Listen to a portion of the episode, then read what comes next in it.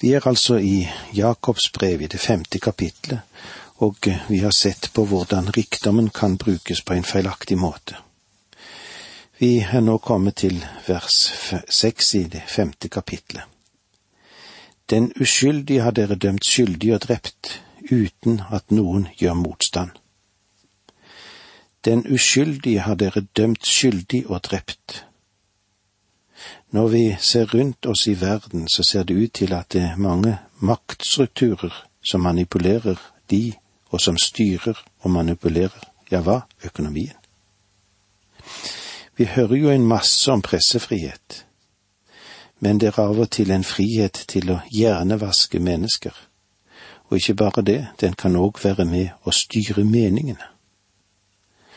Selv om det forutsettes at vi skal ha frihet til å tale og hva religionsfrihet, så viser det seg òg at det er temmelig få som styrer det frie ord. Og religionsfrihet er i mange land temmelig uthult, og vi kan vel òg si at det er et misbrukt begrep. Uten at noen gjør motstand. Det ser ut til at de rike kan gjøre en hel del og komme ut av det på og det er å forsvare sin synd.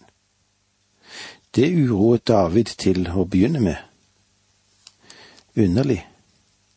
Men Gud straffer meg og kongen i Babylon om de bare fortsetter og fortsetter med sine onde gjerninger uten at noen synes å stoppe dem. Faktisk så er det Guds dom over de onde. Han dømmer dem ikke nå, men ved veiens ende så går de mot noe fryktelig. Det er en lekse her for det rike mennesket som er en kristen. Hvor stor er bankkontoen din? Om Jesus skulle komme i dag, ville du da være villig til å la ham ta en titt inn i safen din? Han kommer til å gjøre det en dag. Og spørsmålet er, hvordan forvalter du din rikdom? Ordspråkene 38 sier, Gi meg verken armod eller rikdom, men la meg få den mat jeg trenger. Kong Salomo gir oss her et balansert råd. Som overskrift over det vi går inn i nå, kan vi vel sette Kristi komme er en trøst. Jakob har helt klart fortalt oss hvilken verden det er vi lever i. Det er en stor, ond verden der høk over høk-filosofien, den hersker. De som klatrer opp rikdommens stige, de tråkker på andres fingre etter hvert som de kjemper seg oppover. Burde vi som kristne slutte oss til en eller annen organisasjon og kjempe sterkt for alle politiske beslutninger? Vi bør absolutt være interessert i å forsøke å velge de beste mennesker vi kan i ledersjiktet i vårt land. Men jeg har mindre tro på at vi kan forandre denne verden. Og så er spørsmålet hva kan vi da gjøre? Lytt til Gud her. Han taler nå til sine egne barn slik vi leser i det syvende verset i kapittel fem. Vær da tålmodige, brødre, inntil Herren kommer. En bonde venter på jordens dyrebare grøde. Han må ha tålmodighet til både høstregnet og vårregnet har falt. Guds ord har ganske mye å si oss om det at når Herren kommer og opprettes et rike, da vil de fattige få sin gode del. De vil få en rettmessig og ærlig del for første gang i verdens historie. Dette er noe som alle profetene nevnte og det legges vekt på. I Jesaja 11,4 leser vi Han dømmer småkorsfolk med rettferd, lar de vergeløse i landet få rett dom. Tro meg, de fattige har ennå ikke fått sin uttelling. Jeg mener ikke å være pessimistisk, men det virker forgjeves å håpe på mennesket. Mennesket som krafser til seg makt og penger og venter at de skal handle rettferdig. Det betyr mindre for det de lover. De fattige vil alltid bli latt i stikken. Vårt eneste håp er Jesus Kristus.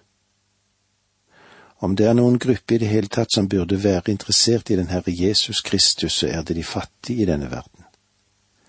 For han skal gi dem sin rettmessige del når han oppretter sitt rike her på jorden. Vær da tålmodig inntil Herren kommer. Det er et sterkt utsagn. Kristi komme vil korrigere det som er galt i denne verden, og det kan vi lese om igjen og om igjen i Bibelen. Det er ikke bare profetene som nevner dette. Jesus gjorde det helt klart i bergpreken, som vil bli hans rikes lov, at han har til hensikt å gi de fattige sin del under hans herredømme. Det kan du lese om i Matteus 6, versene 19–24. En bonde venter på jordens dyrebare grøde, og han må ha tålmodighet til både høstregnet og vårregnet har falt. Med andre ord, når gårdbrukeren sår sin sæd, så kommer han ikke ut neste morgen for å se om det er høsttid. Jakob sier, Vær tålmodige, høsten kommer. Det sies av og til at kristne høster når de gjennom evangeliseringsaksjoner formidler Guds ord. Det forekommer meg å være litt gal bruk av ordene dette. Den Herre Jesus sto ved slutten av en tidsalder da han sa til sine disipler, da han sendte den ut til de tapte får av Israels hus og ikke til verden som helhet. Høsten er stor, men arbeiderne får de lykkes ti-to. Det står nå ved slutten av lovens tidsalder. Hver tidsalder har endt i dom. Også den tidsalder vi er inne i, vil stå overfor Guds dom en dag. Det vil være høsten. I Matteus 13 sa Jesus at han ville sende sine engler for å samle inn sin grøde.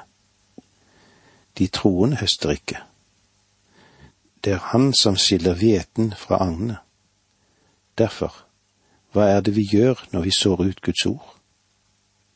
Den Herre Jesus er også en såmann, og i dag sår han sin sæd, og det ser jeg på som min oppgave.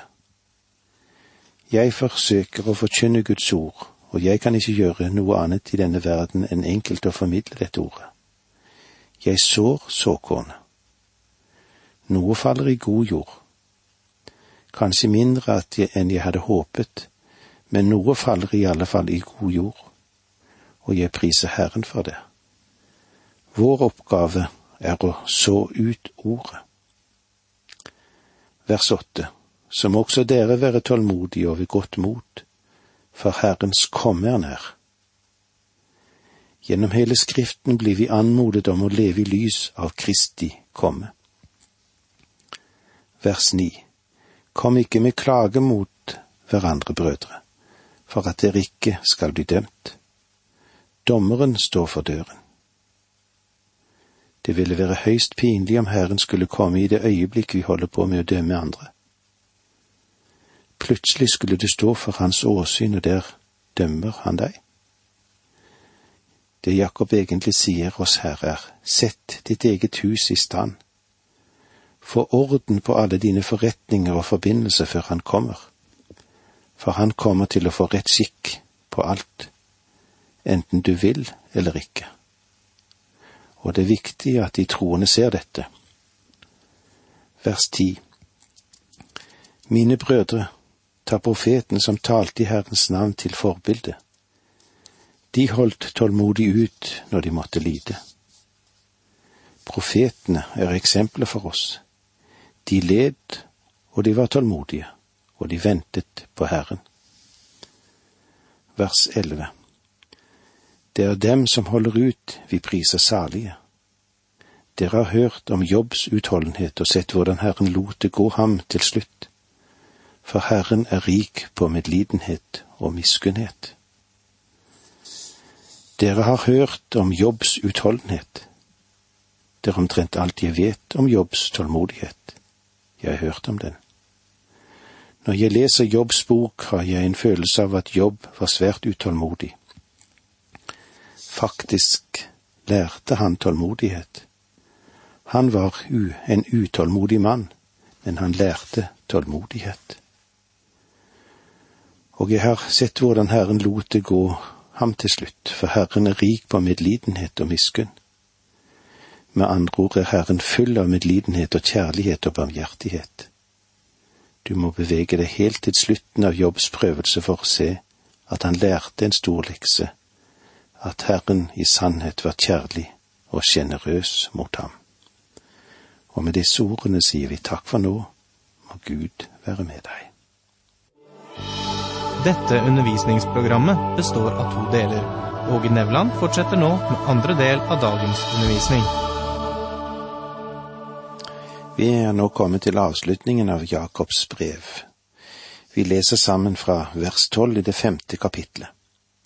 Men fremfor alt, mine brødre, må dere ikke sverge verken ved himmelen eller ved jorden eller ved noe annet.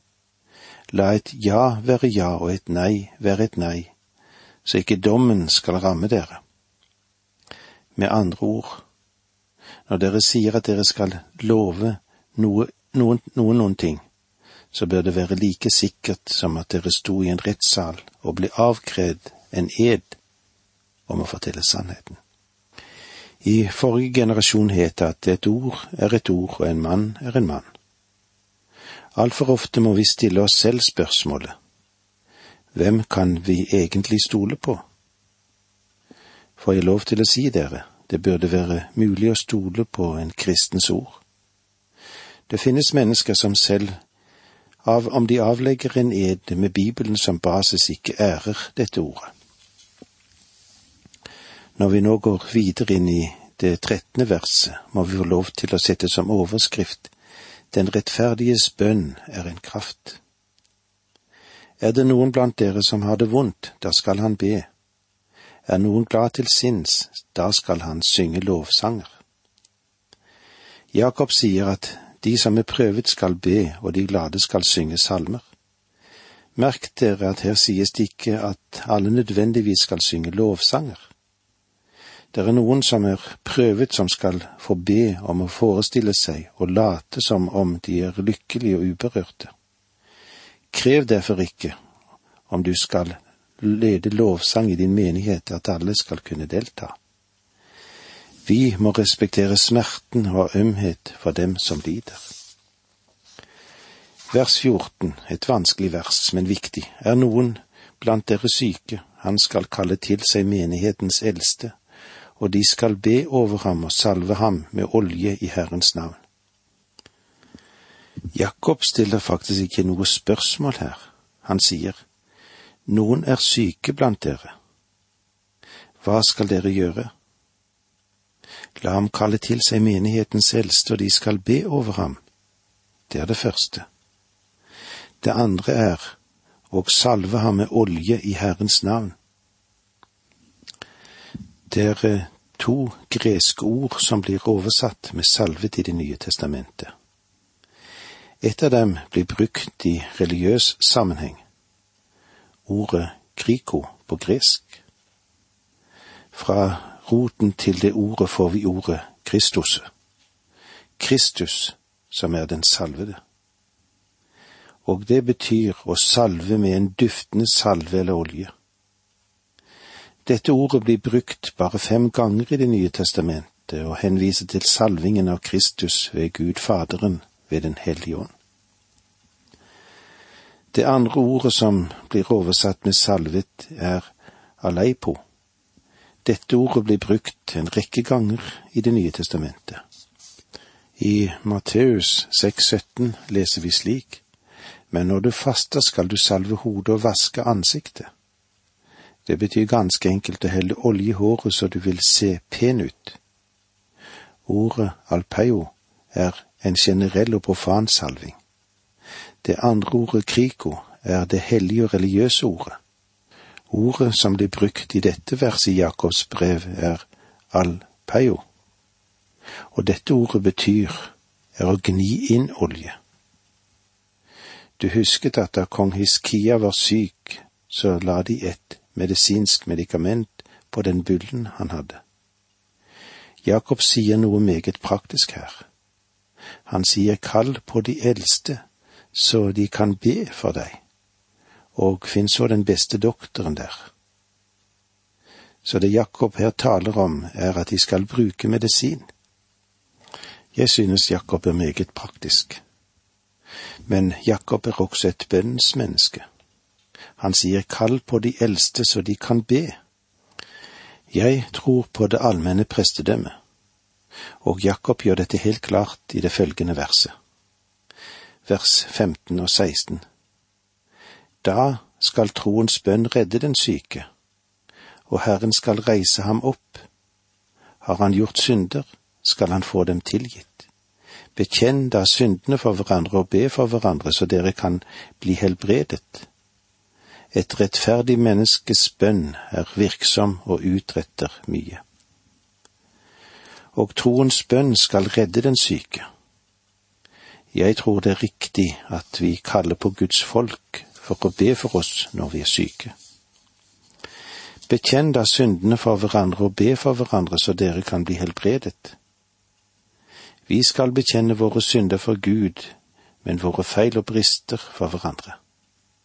Om jeg har såret deg, så bør jeg bekjenne det for deg, men jeg vil ikke bekjenne mine synder for deg, og jeg vil ikke at du skal bekjenne dine synder for meg, de skal du bekjenne for Herren.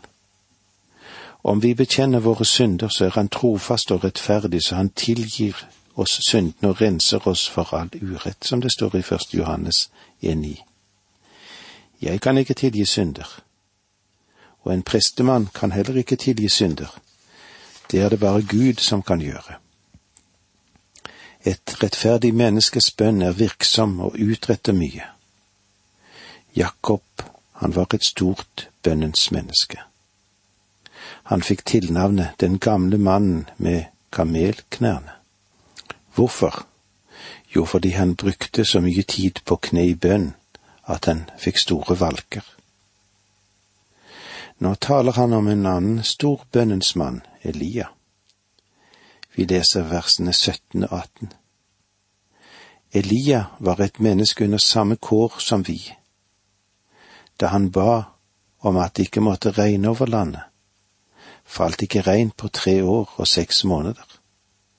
Så ba han på ny, og da ga himmelen regn, og jorden bar igjen sin grøde. Kan du forestille deg det? Elia, han var meteorolog i tre og et halvt år og holdt regnet tilbake. Det kom ikke før han ba på nytt. Du er et menneske under samme vilkår som Elia. Elia var ikke noe overmenneske. Han var en mann under samme kår som vi men han var en mann som ba med tro og hengivenhet, og det er slik bønn vi trenger i dag. Elia var et menneske under samme kår som vi. Da han ba om at det ikke måtte regne over landet, falt ikke regn på tre år og seks måneder. Og så ba han på ny, og da ga himmelen regn, og jorden bar igjen sin grøde. Hvordan skal vi opptre i de forskjellige situasjoner som oppstår?